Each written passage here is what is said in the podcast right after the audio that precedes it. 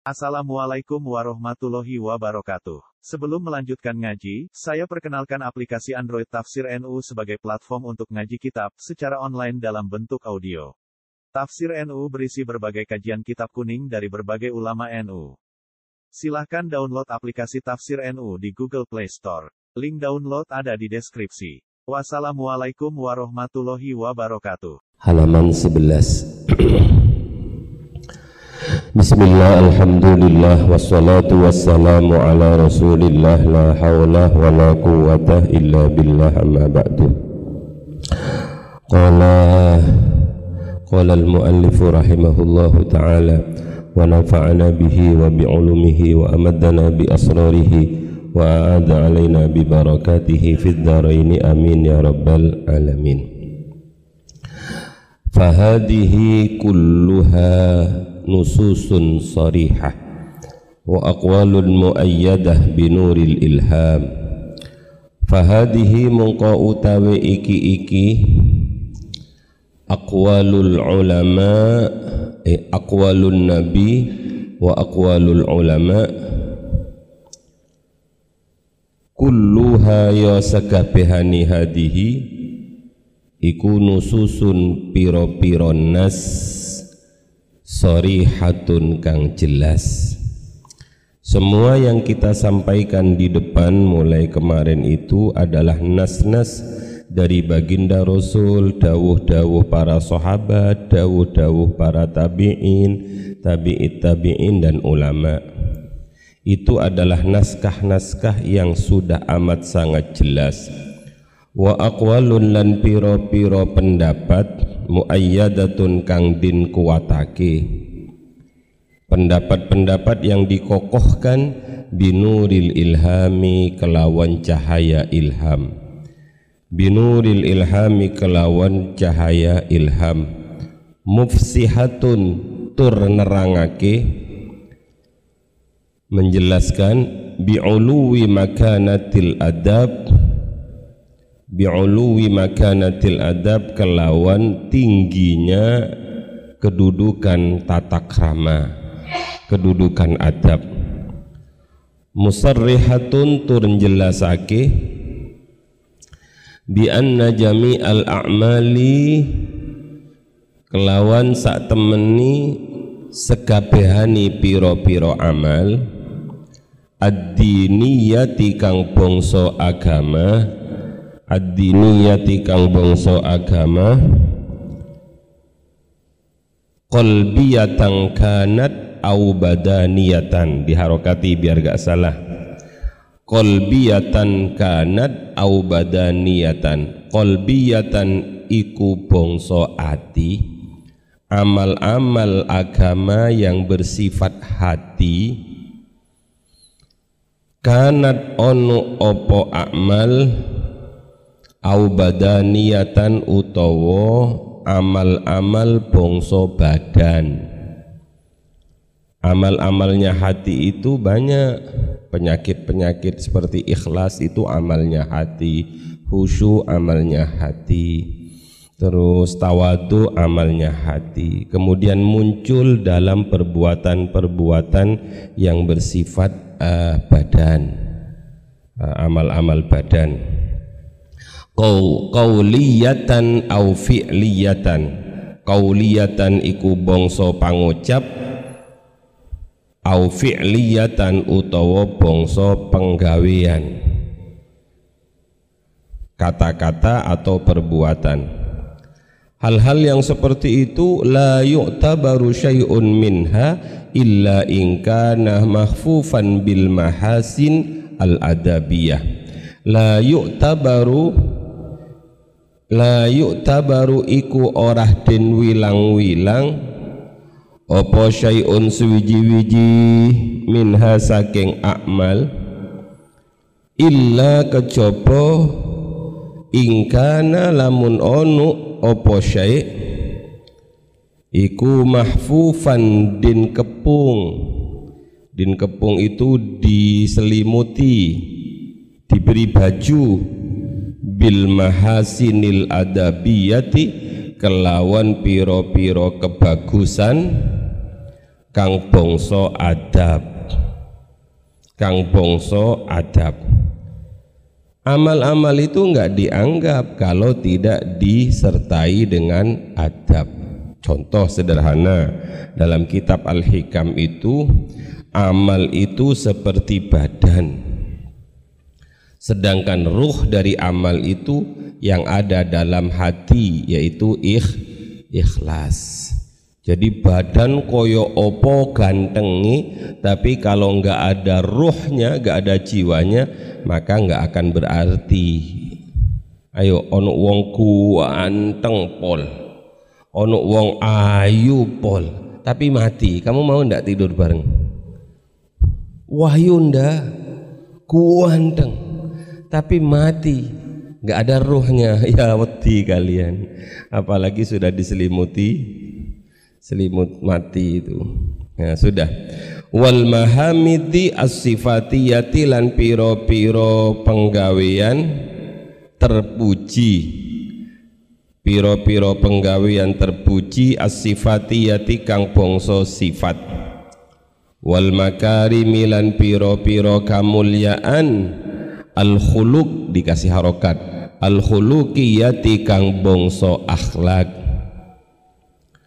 Wa bi anna tahliyatal amali bil adab lan kelawan maes-maesi amal memperindah amal bil adabi kelawan adab. Ajilan ing dalem ajilan ing dalem bongso ake-ake cepat. Biasanya dimaknai dunia. Iku ama iku alamatu. Iku alamatu.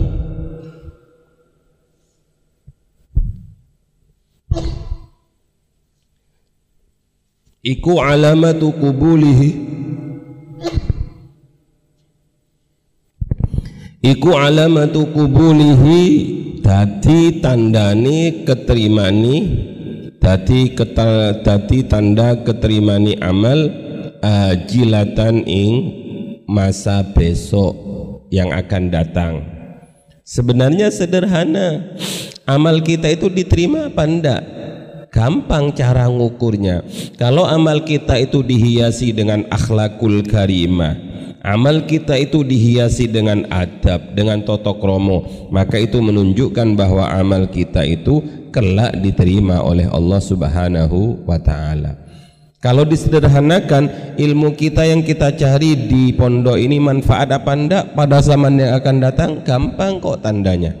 Ketika di pondok nyari ilmunya pakai adab, adab terhadap Allah, adab terhadap Rasulullah, adab terhadap guru, adab terhadap teman, adab terhadap kitab, maka itu menunjukkan bahwa ilmu kita pasti manfaat kelak. Ilmu kita pasti manfaat kelak di masyarakat dan kelak lagi di akhirat. Jadi gampangannya anna tahliyatal amali bil adabi ajilan alamatu kubulihi ajilan terhiasi amal kita saat ini dengan totok kromo itu menunjukkan bahwa amal kita itu akan diterima di masa yang akan datang. Wa bi annal adaba lan kelawan sak temeni adab.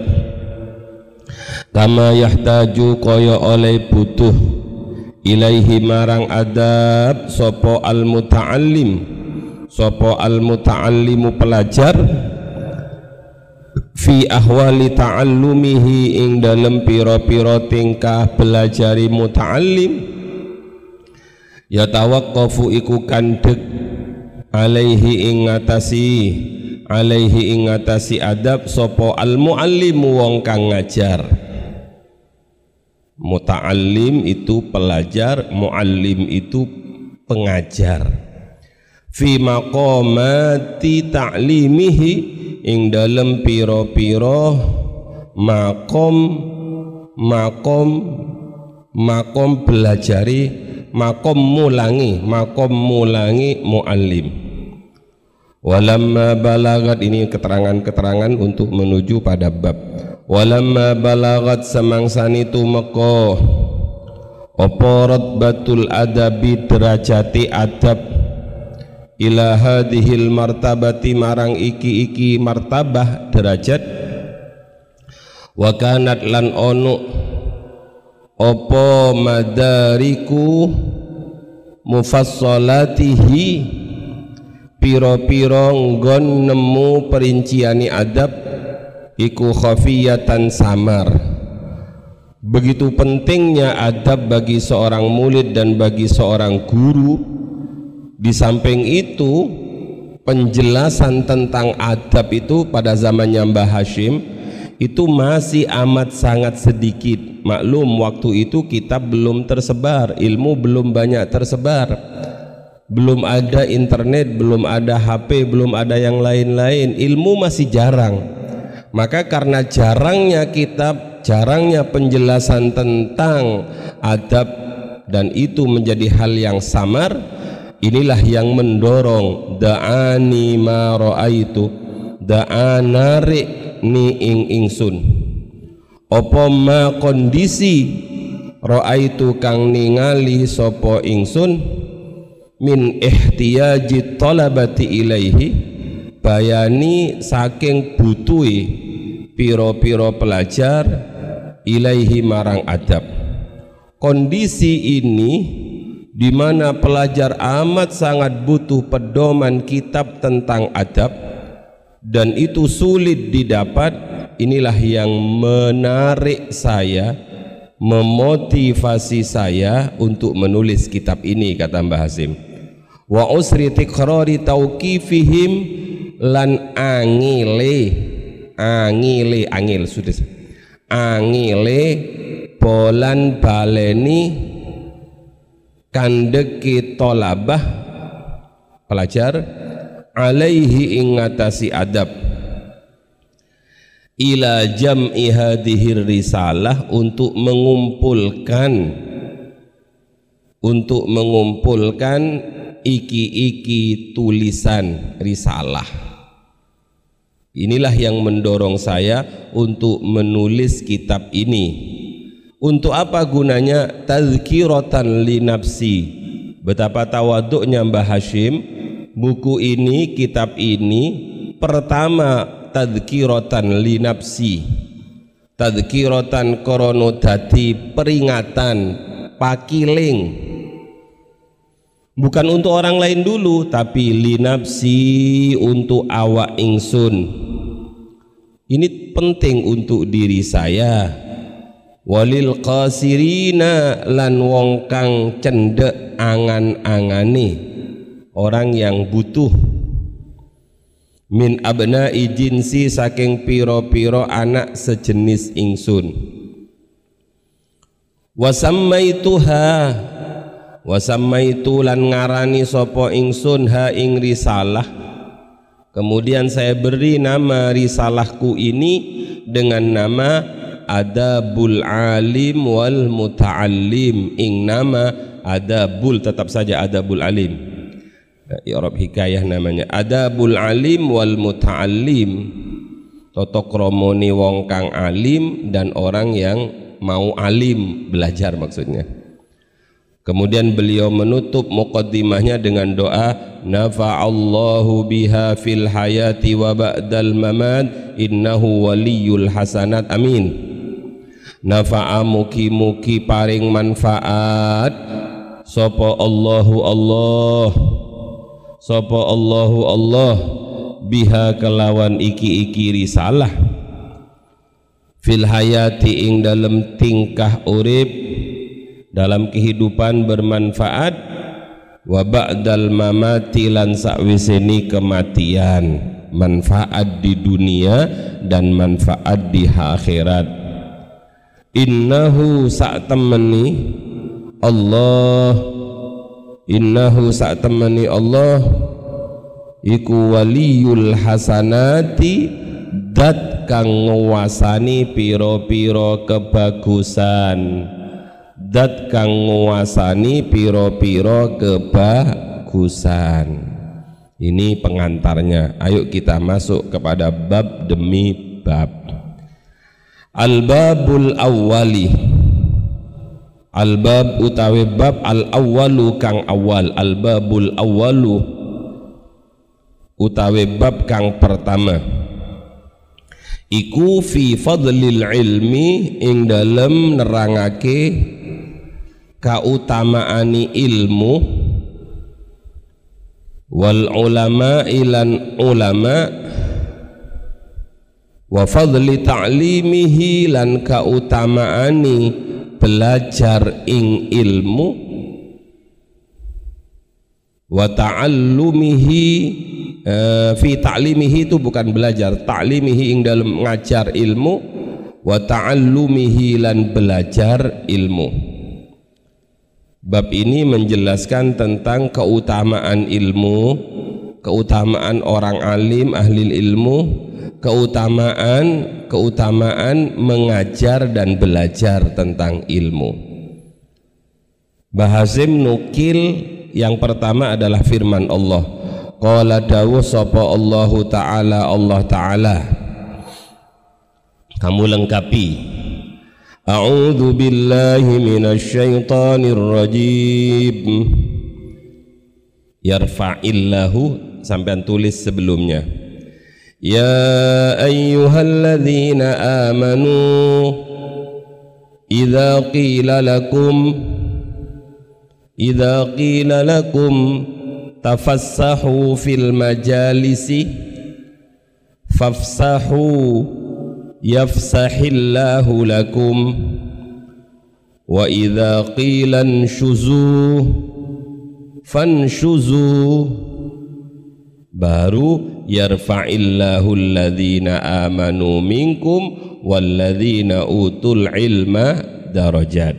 Saya terjemah saja di awalnya. Ya ayyuhalladzina amanu wahai orang-orang yang beriman idza qila lakum apabila dikatakan pada kalian tafassahu fil majalis berlapang-lapanglah kalian dalam beberapa majlis Misalnya kalian duduk seperti ini. Tahu-tahu ada peserta datang ingin ikut majelis ilmu ini, maka kamu jangan begini. Biar dia nggak bisa tempat tidur, biar dia tidak tempat dapat tempat duduk, maka kamu nyempit. Berikan kelonggaran kepada kawanmu agar dia bisa sama-sama ikut majelis taklim itu. Ini namanya tafassahu fil majalis. Fafsahu kalau kamu meluaskan tempatmu untuk orang lain maka yafsahillahu lakum. Allah akan memberikan kecembaran keluasan umum apa saja. Keluasan rezeki keluasan hati keluasan keberkahan dan lain sebagainya. Fafsahu yafsahillahu lakum. Jadi ingat kalau kamu duduk kemudian ada orang datang ingin sama-sama duduk ngaji berikan tempat. Jangan kamu maaf ini sudah ada untuk kawan saya. Jangan. Ya dibagi sesuatu untuk dua orang bisa dibagi menjadi tiga orang. Ojo silo koyok ngini tapi silonya koyok tahiyat. Tahiyat akhir. Biar orang sama-sama bisa duduk di majelis taklim itu. Berbagi tempat. Paham enggak berbagi tempat. Fafsahu kalau seperti itu kamu akan dilonggarkan, kamu akan dilapangkan oleh Allah. Umum bisa lapang rezekinya, lapang ilmunya, jembar kubu, kuburannya dan lain sebagainya. Yafsahillahu lakum. Wa idza qilan syusu apabila dikatakan kepadamu unsyusu berdirilah kamu berdiri untuk melakukan solat fansyusu maka berdirilah kalian.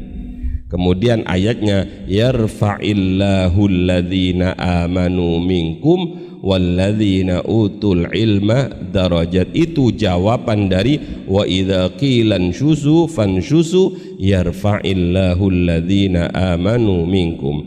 Jawab idza di depan itu ada ida ida maka ada orang yang bertanya ini kok tiba-tiba yarfa yarfa dibaca jasem biasanya fi'il mudhari itu kalau tajarrud anin nawasib wal jawasim maka harus dibaca Dibaca apa? Dibaca rofa, yarfa'u. Ini enggak ada apa-apa tiba-tiba yarfa'i. Eh itu ada ayat yang dipotong sebelumnya wa idza qila idza qila lakum tafassahu wa idza qilan syuzu. Maka jawabannya yarfa'illahu alladzina amanu minkum. Yarfa' maknai yarfa' mungko ngangkat meninggikan sapa Allahu Allah alladzina ing wong akeh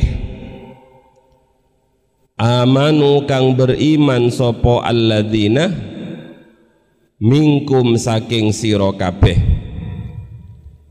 Walladzina lan ing wong akeh utul ilma utu kang den paringi sapa alladzina al ilma ing ilmu ditinggikan apanya? Ditinggikan apanya? Darajatin ing pirang-pirang derajat apa maksudnya itu? Mbah Hashim nulis yarfa'il ulama minkum darajatin. Yarfa yarfa bakal mungko bakal ngangkat sapa Allah al ulama ing pira-pira wong alim minkum saking sira kabeh diangkat darajatin ing piro-piro derajat. Kenapa orang alim itu ditinggikan derajatnya oleh Allah? Bima sebab perkoro jama'u kang ngumpulake sopo ulama minal ilmi saking ilmu wal amalilan amal. Wal amalilan amal. Eh, sederhananya yang akan diangkat derajatnya oleh Allah ke derajat yang tinggi mulia syaratnya dua. Apa yang pertama? Beriman. Alladzina amanu minkum. Yang kedua utul ilmah. Makanya makanya hebatnya orang tua kalian mengirim kalian ke Bahrul Ulum ke segoroni ilmu. Kenapa? Karena orang tua kalian ingin ingin agar kalian menjadi orang-orang yang diangkat derajatnya di sisi Allah. Imma derajatmu itu tinggi di dunia dan di akhirat atau paling tidak sekalipun di dunia tidak tinggi derajatmu tapi di akhirat Allah akan ngangkat derajatmu karena kamu dibekali oleh orang tuanya keimanan dan ilmu. Makanya ketemu pirang perkoro kita enggak mendoakan orang tua kita. Karena mereka telah memilihkan yang terbaik untuk kita Orang tua kita itu modern sekali menginginkan kita mulia. Sudah Ibnu Abbas, Abdullah bin Abbas. Bahasim mengutip tafsir uh, penjelasan darajat itu dari dawuhnya Abdullah bin Abbas. Siapa Abdullah bin Abbas itu? Abdullah bin Abbas, Abbas itu pamannya Kanjeng Nabi. Sayyidina Abbas ini sering dipakai tawassul oleh para sahabat Suatu saat di Madinah itu enggak hujan-hujan. Maka para sahabat Nabi itu tawassul wasilah dengan Sayyidina Abbas pamannya Kanjeng Nabi. Ya Allah dengan kemuliaan paman Nabi Sayyidina Abbas kirimi kami hujan, hujan deras. Itu namanya Sayyidina Abbas amman Nabi, pamannya Nabi, saudaranya Pak, saudaranya Abdullah ayah kanjeng Nabi. Lah Sayyidina Abbas ini punya anak namanya Abdullah. Ketika kecil Abdullah ini pernah digendong oleh baginda Nabi kemudian didoakan oleh Nabi Allahumma fakihhu fid wa ta'wil. Maka Abdullah bin Abbas itu orang yang paling paham tentang ilmu takwil. Ilmu takwil berat sekali, tidak semua orang dipas dikasih wa ma ya'lamu ta'wilahu illallah warrasikhuna fil ilmi. Ar-rasikhuna fil ilmi. Uh, Abdullah bin Abbas itu didoakan oleh kanjeng Nabi, ya Allah jadikan anak ini menjadi orang yang paham alim agama plus alim ilmu takwil. Makanya ketika orang-orang ditanya para sahabat ditanya tentang makna idza jaa nasrullahi wal fath wa ra'aitan nas yadkhuluna fi dinillahi afwajan fasabbih bihamdi rabbika wastaghfir innahu kana tawwaba. Semua orang menjelaskan tentang kewajiban beristighfar dan bertasbih ketika Islam sudah tersebar luas Ketika ditanya kepada Abdullah bin Abbas apa maksudnya ayat ini? Abdullah bin Abbas mengatakan saya mencium dari ayat ini aroma wafatnya baginda Nabi. Ini namanya kedalaman takwilnya Ibnu Abbas. Kenapa? karena kalau sudah agama sempurna maka pembawa agama itu akan segera mengakhiri masa tugasnya. Nah, ini namanya yang disebut dengan takwil Abdullah bin Abbas dawuh tentang yarfa'illahu itu. Dawuhnya beliau darajatul ulama utawi piro-piro derajati wong alim piro-piro wong alim fauqal mu'minina ing dalam dhuwure piro-piro wong mukmin berapa derajat berapa jarak derajatnya orang mukmin biasa dengan ulama? Coba lihat. Bisa ati darajatin. Diharokati. Bisa ati darajatin. Kelawan selisih sab'u itu berapa? tujuh. Mi'a itu berapa? atus. Berarti tujuh ratus derajat maka bentuk lafad darajat itu jamak. Maksudnya apa? Derajatnya orang alim di atas orang mukmin yang tidak alim itu ping pirona 700 derajat. Lah satu derajatnya itu berapa? Coba dilihat. Ma bainad darajataini ma utawi jarak bainad darajataini antara dua derajat. Satu derajat ke derajat satunya yang lebih tinggi itu berapa sih jaraknya? Berapa meter? Berapa senti? Oh bukan pakai senti bukan pakai meter. Homsu mi'ati amin. Homsu mi'ati amin Iku 500 tahun perjalanan yang paling jauh dari mana? Itu Tuban. Tuban berapa hari? Berapa tahun perjalanan dari sini ke Tuban? Itu 500 tahun, satu derajat ke derajat yang satunya di atas, baru derajat kedua, baru derajat ketiga, baru derajat keempat. Ini sampai berapa derajatnya? Berapa tadi? 700. Apa yang lebih mulia dibandingkan ini? Tidak ada. Maka ya Allah muki-muki kita anak-anak kita ditakdir oleh Allah menjadi orang yang tinggi derajatnya karena ilmu. Amin Allahumma amin. Wa qala Allah taala ha kalau sudah dapat hadis seperti ini kurang semangat apa belajar? Masih senang tidur? Masih senangkah kalian bermain-main? Apakah kalian akan menghidupkan akan menghabiskan umur kalian hanya dengan main-main? Bukankah kematian tidak pernah menunggu kalian main-main? Corona mengintip orang bukan dengan main-main. Sudah ayo serius belajar.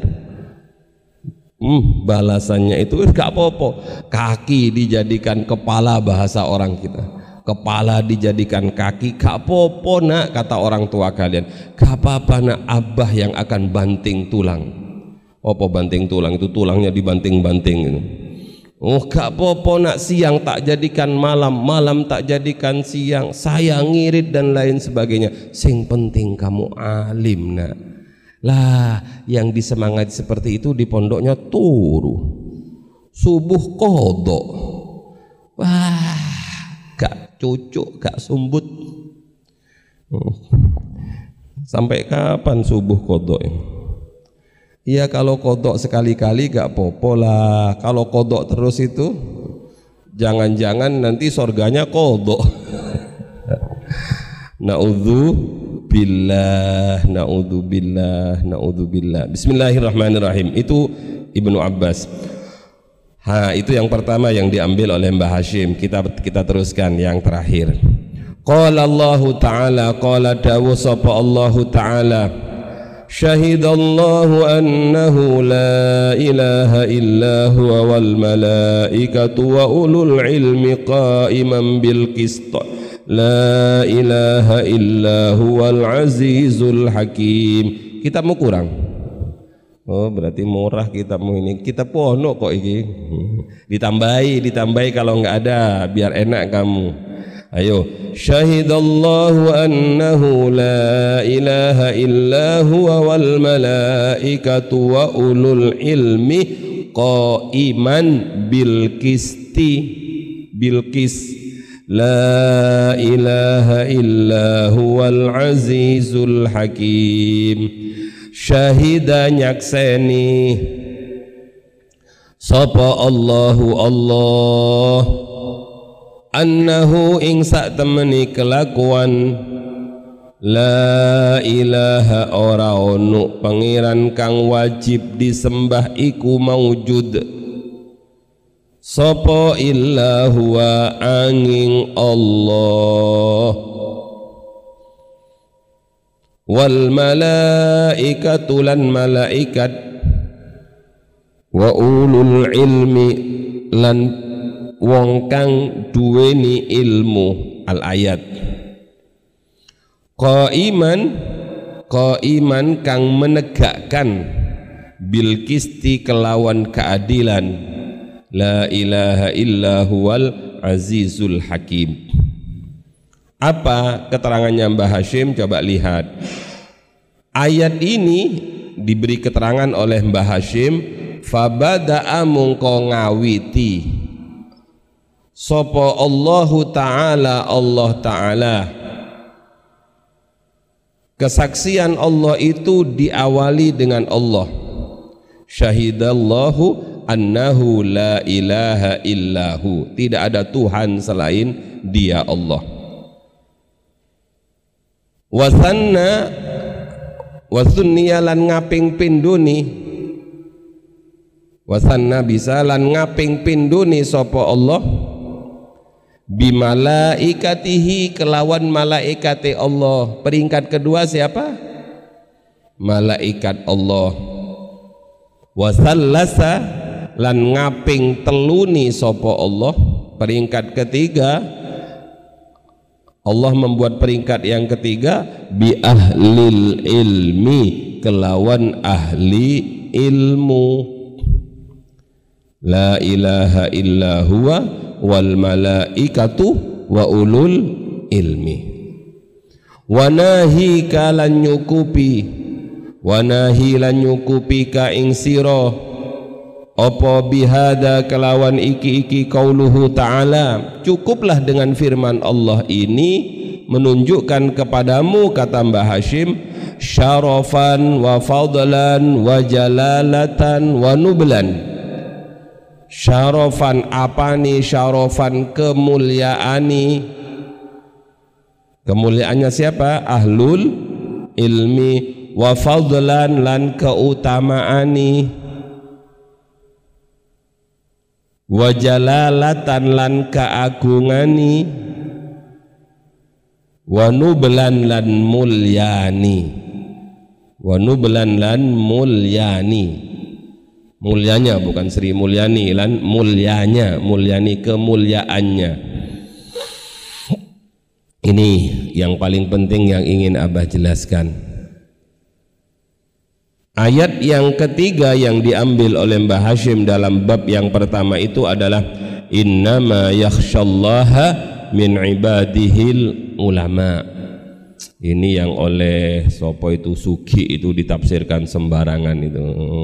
Gak tahu mundok gak tahu ngaji nafsirkan Al-Quran. Dolu wa adallu sudah nggak apa-apa. Wa idza khatabahumul jahiluna qalu salama gak usah diajak debat dong orang seperti itu. Oh tikus itu ulama. Ular itu ulama. Cacing itu ulama. Oh, asalkan yakhsyallah Bismillahirrahmanirrahim. Ayatnya lengkapnya begini. A'udzu billahi minasyaitonir rajim nasi wad dawabi wal an'ami mukhtalifun alwanuh kadzalik innama yakhsyallaha min ibadihil ulama diharokati. Langsung. innama yakhsha angin pastine wedi. innama yakhsha angin pastini wedi. Allah ing Allah min ibadihi min ibadihi saking hamba-hambane Allah. Min ibadihi saking hamba-hambane Allah. Sapa al ulama'u Sopo al ulama u piro piro wong kang alim. Sopo al ulama u piro piro wong kang alim. Catat catat ini penting ini sesungguhnya hamba-hamba Allah yang alimlah hamba-hamba Allah yang takut kepada Allah lah yang disebut dengan ulama orang alim. Ayat ini menjadi inspirasi bagi Asy'ah Ibnu Athaillah untuk menulis dua hikmah paling tidak tentang khosyah itu. Hikmah yang pertama ditulis saya dikte pelan-pelan. Khairul ilmi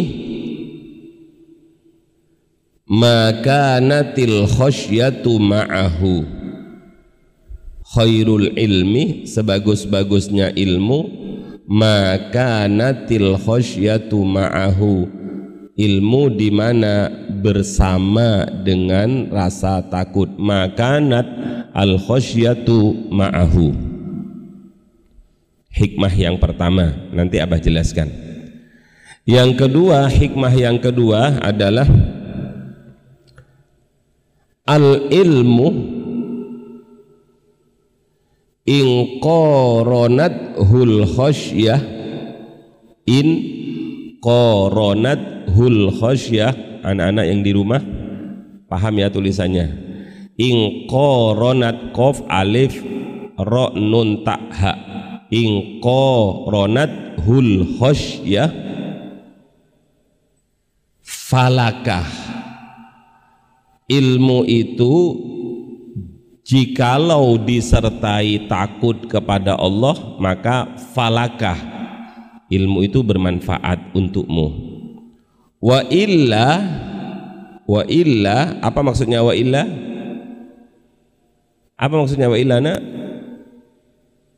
Apabila tidak disertai dengan khosyah wa illa fa'alaikah wa illa fa'alaika.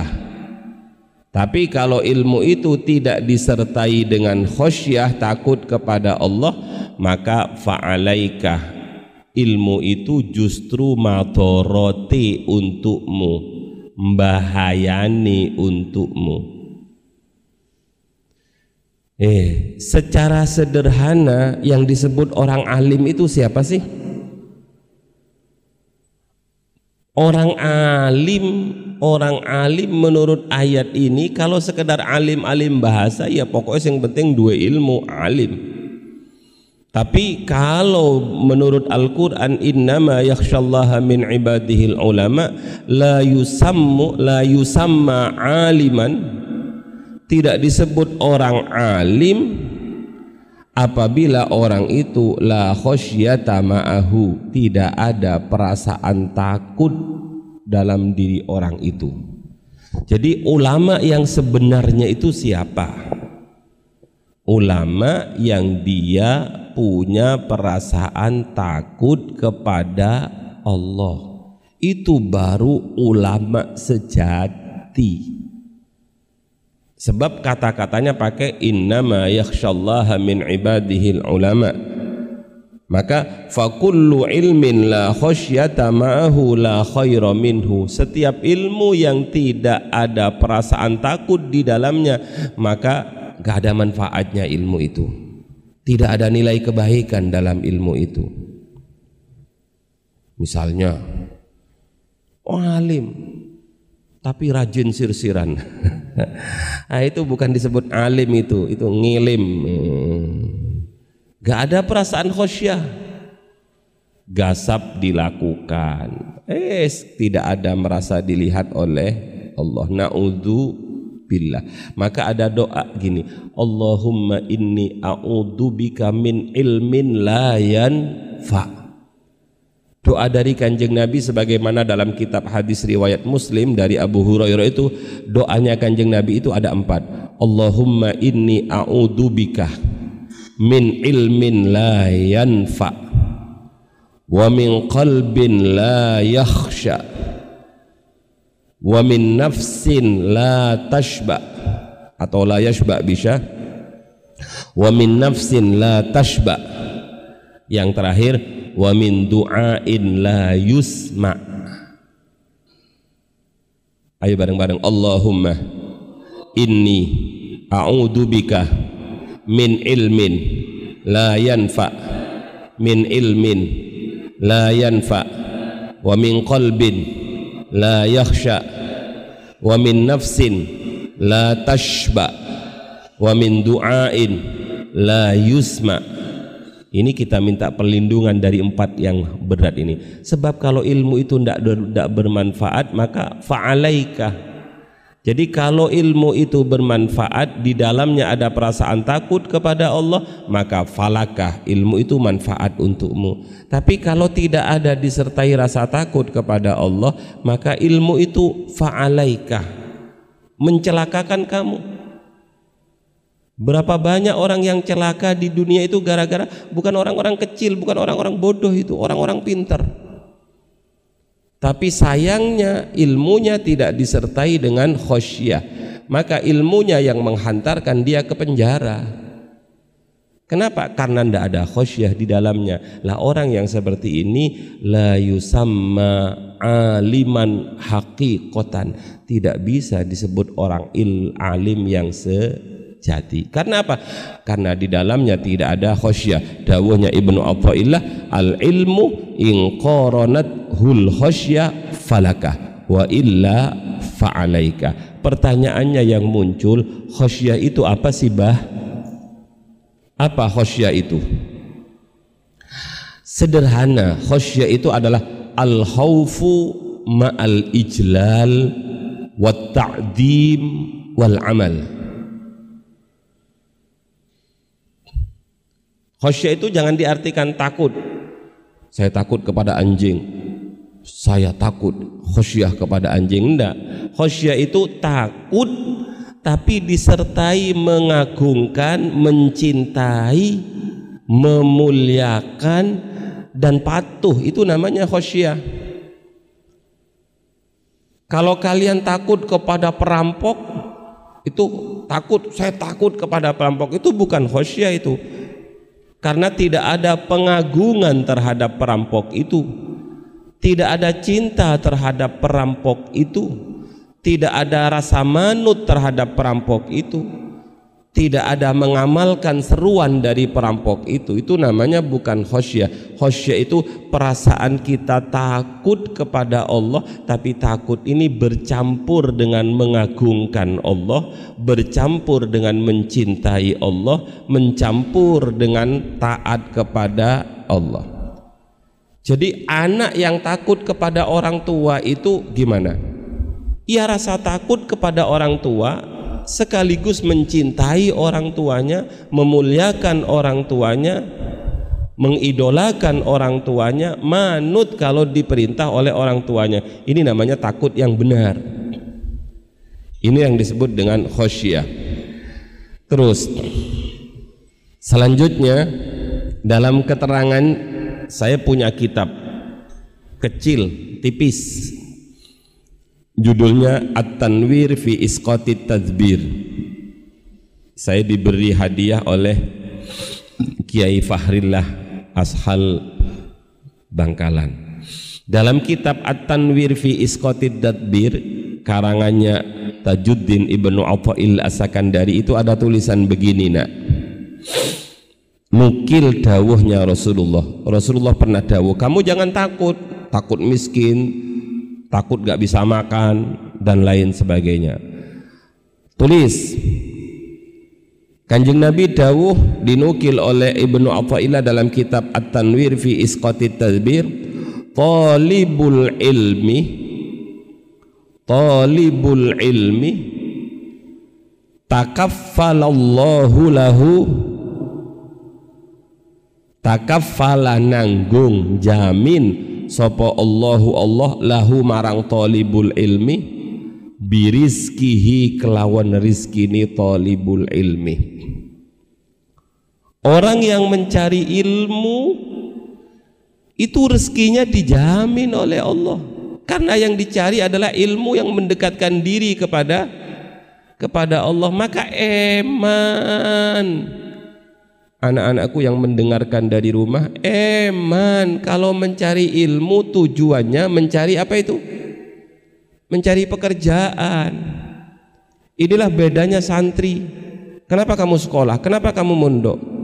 Ben aku iso dadi iki engkau ni iku dadi iki aku iso makan. Oh. jadi kalau gak dadi iki aku gak iso ma makan. Apakah gak percaya pada dawuh Rasulullah apa dawanya Rasulullah? Talibul ilmi, orang yang mencari ilmu, takaffalallahu lahu birizkihi. Allah menanggung pada orang itu rezekinya. Ayo siapa sebaik-baiknya penanggung? Kalau bukan Allah. Lah kalian saja di sini. Kalian di sini sekarang rezekinya dari mana? Ya dari Allah lewat tangannya bunyai. Kemarin dohor ada apa itu? Ada kiriman apa? Nasi kuning ambek paha ayam sak gede-gede. Takaffalallahu lahu birizkihi. Itu dari Allah. Besok mudah-mudahan ada lagi. Amin. Tomak namanya kamu itu. Gak usah tomak, kamu sudah dijamin oleh Allah. Ada yang WA pada saya katanya, Gus besok akan saya kirim ayam dari Afko dari Pak Agung. Besok akan saya kirim ayam untuk dimasak anak-anak. Dari mana itu? Pada kenyataannya dari Pak Agung. Maka kita harus berterima kasih matur nuwun. Jazakumullah ahsanal jaza matur nuwun. Mugi-mugi Allah membalas dengan pembalasan yang lebih baik. Tapi sebenarnya itu adalah bentuk takafulnya Allah pada kalian. Karena kalian sedang mencari ilmu sampai sampean akhir malam hari raya di sini kira-kira kamu nggak makan? Makan. Bahkan lebih enak dibandingkan di rumahmu. Ayo tanyakan kepada kawan-kawanmu yang di rumah. Disuruh itu orang halo halo halo. Oh. tapi kamu di sini oh sholat jamaah tok sing diurus. Jamaah wiritan. Habis itu voli. Hmm. habis itu turu lagi voli lagi. ya habis itu deres Quran baca Quran istighosah. Rezekimu dari mana? Takaffalallahu lahu birizkihi. Maka kamu jangan bingung dengan urusan rezeki. Sekali-kali ya santri jangan bingung ambil urusan rezeki. Santri kok bingung ambil urusan rezeki gedoken Langit itu dengan idza waqa'atil waqi'ah laisa li waqa'atiha kadiba khafidatur rafi'ah idza rujjatil ardu rajja. Oh, terus rizkimu. Jangan jangan jangan mikir rezeki. Makanya dalam kitab Al-Hikam itu gak gak usah kamu ngurusi sesuatu yang sudah diurus oleh Allah. Uruslah urusanmu. Apa urusanmu itu? Apa urusanmu? Ya belajar yang ngaji. Urusan rezeki siapa yang ngurus? Allah. Maka Allah menggerakkan hati rumah sakit. Apa itu kemarin itu? Rumah sakit muslimat Jombang ngirim berkat. Al-Fatihah. Nah, besok siapa? Kayaknya besok dari ayahnya ayat ini Al-Fatihah besok dari ayahnya siapa? Ayahnya atau kirim uang transfer ke atau ini toh belikan toh oh al-fatihah. Pokoknya yang ingin fatihah kirim berkat gitu. Ini namanya bisnis fatihah. Bukan bukan. Tapi kamu jangan ragu jangan ragu. Is, sampai malam lebaran saya dan istri siap memberi kamu makan. Hmm. siap besok eh nanti malam ada ber, ada ingkung loh nanti malam. Insya Allah nanti malam ada ingkung. Asalkan kamu sholawatan nanti malam apa besok malam nggak tahu. Istri saya sudah bilang pada saya bah besok anak-anak tak gawe nu ingkung. Al-fatihah.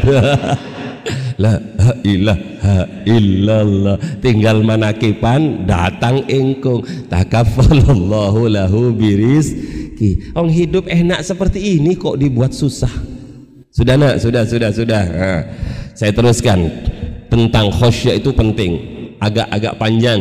Anak-anakku yang di rumah yang menyaksikan ngajinya tak tambah ya sekitar 10 menit karena biar nggak putus keterangannya. Itu satu dawuhnya Kanjeng Rasul. Yang kedua, ingat hati-hati. Saya bilang, kalau kalian sudah masuk pondok Bahrul Ulum dititipkan oleh orang tuanya menjadi santri kok masih mikir selain ilmu awas ancamannya? Hati-hati ini yang salah niat. Makanya santri masuk pesantren salah niat tidak apa-apa. Tidak apa-apa salah niat di awal. Insya Allah di tengah-tengah niatnya akan diluruskan oleh gurunya maka mondok gak ikhlas pertama-tama itu nggak apa-apa. Nanti setelah masuk ke pondok pasti akan dibimbing agar niatnya benar. Imam Ghazali itu mondok kata Imam Ghazali, saya dulu mondok salah niat saya kok. Saya ditinggal wafat oleh bapak saya, saya bersaudara kakak saya Ahmad, saya Muhammad dua orang ibu saya ngeramut saya harta warisan ayah saya habis maka saya dan kakak saya dipondokkan oleh ibu saya. Kenapa? Biar ikut makan kiai. Biar ikut makan dengan kiai nebeng mudof ileh ini namanya mudof ileh idofah. Tapi kiai saya kemudian membenarkan meluruskan niat saya. Ini hebatnya santri maka kalau sudah diluruskan seperti ini jangan bengkok lagi, jangan bengkok lagi. Sudah lillahi taala. Sebab kalau bengkok nah saya takut pada dawuhnya Kanjeng Nabi sebagaimana diriwayatkan oleh Abu Hurairah. Saya bacakan hadisnya. Man ta'allama ilman la yabtaghi bihi wajhallahi ta'ala لا يتعلمه إلا ليصيب به غرضا من الدنيا. Siapa pun orangnya yang belajar ilmu di mana tujuan dari belajar ilmu itu bukan mencari ridhonya Allah la yabtaghi bihi wajhallahi ta'ala tidak mencari ridhonya Allah ta'ala dijelaskan lagi oleh baginda Nabi la yata'allamuhu illa liyusiba bihi gharadan minad dunya. Ia tidak belajar ilmu itu kecuali hanya ingin memperoleh tujuan-tujuan duniawi. Gelar pekerjaan jabatan itu namanya gharadan minad dunya maka orang yang niatnya masih terus salah seperti ini ancamannya berat nak. Gak mampu kamu. Gimana itu bahasanya? Berat. Pisah dengan kamu itu berat pasti kamu gak mampu. Wah ini namanya ini. berat ancamannya. Apa ancamannya? Lam yajid arafal jannah yaumal qiyamah. Orang itu tidak akan menemukan aroma sorga pada hari kiamat lam yajid arafal jannah yaumal qiyamah. Saya ulangi. Man ta'allama ilman la yabtaghi bihi wajhallahi ta'ala la yata'allamuhu illa liyusiba bihi gharadan minad dunya.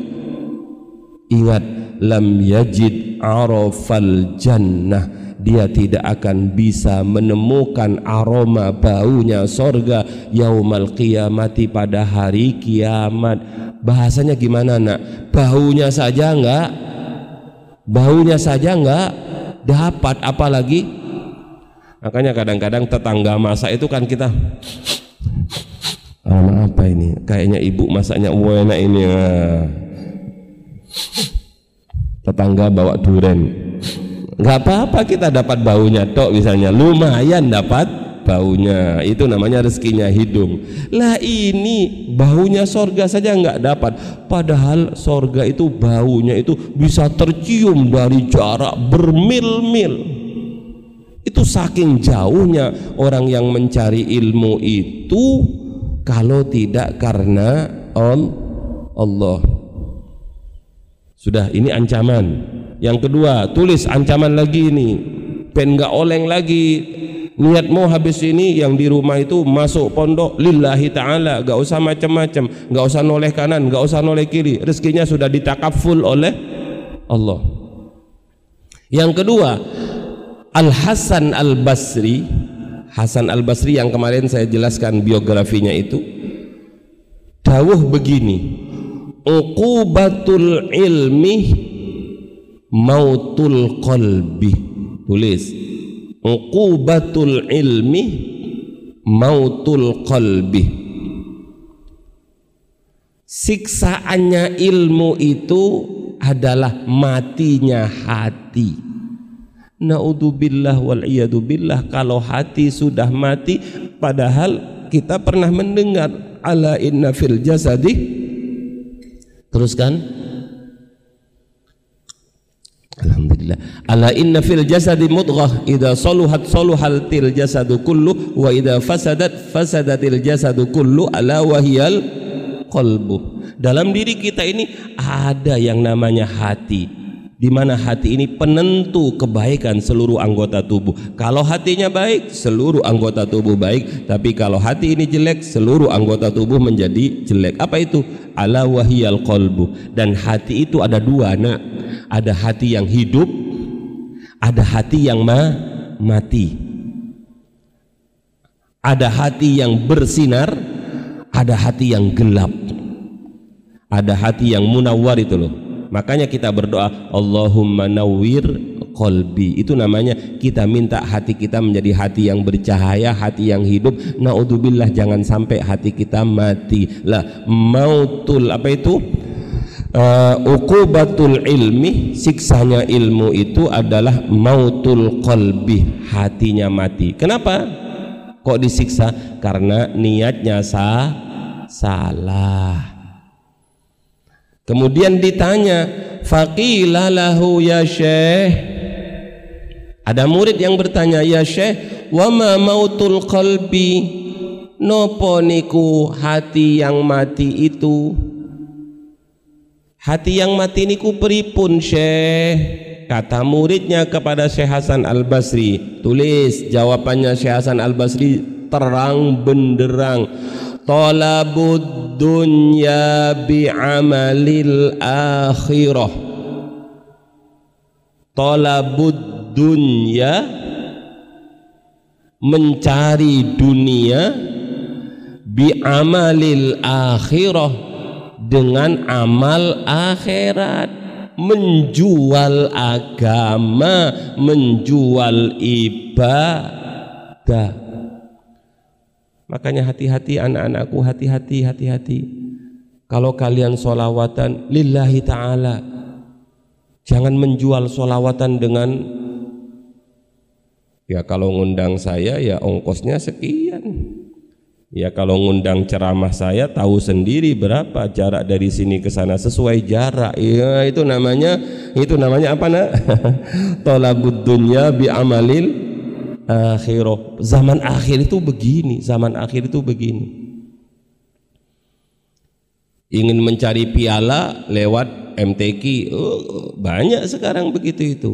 Makanya kalau kamu mau ikut MTQ ikut MHQ ya silahkan aba izini tapi totoan niatmu.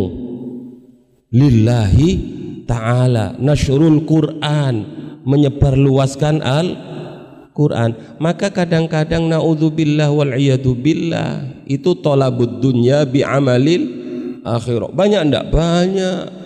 Kata Mbah Mustafa Bisri itu jual serban. Hmm, serbanan kopiahan putih pegang tasbih hmm, habis itu yang dicari apa hmm. tolabud dunya bi amalil akhirah naudzu billah kenapa harus tolabud dunya wong dunya itu sudah ditakaful oleh oleh Allah. Nah, ini tolabud dunya bi amalil akhirah. Makanya ada doa sering kita baca Rabbi fanfa'na bi barkatihim. Luar biasa doa itu.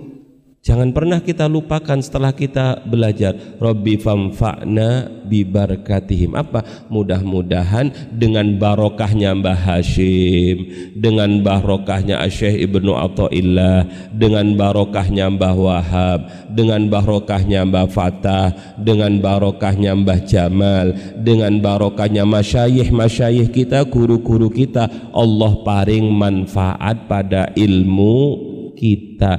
Jangan sampai ilmu kita menjadi penghalang kita dari Allah Subhanahu wa taala. Ayo bareng baca-baca baca doa tutup. Bismillahirrahmanirrahim. Awas habis ini langsung saya tunjuk. Saya tunjuk harus apal. Yang apal dapat hadiah pulang duluan. Bismillahirrahmanirrahim. Allahumma inni a'udzubika Biasanya kalau a'udhu itu tangannya diginikan. Kalau minta perlindungan itu berdoa tangannya dibalik. Allahumma inni a'udhu bika. Ayo. Min ilmin la yanfa. Wa qalbin la yakhsha. Wa nafsin la tashba. Wa du'ain la yusma. Apa artinya?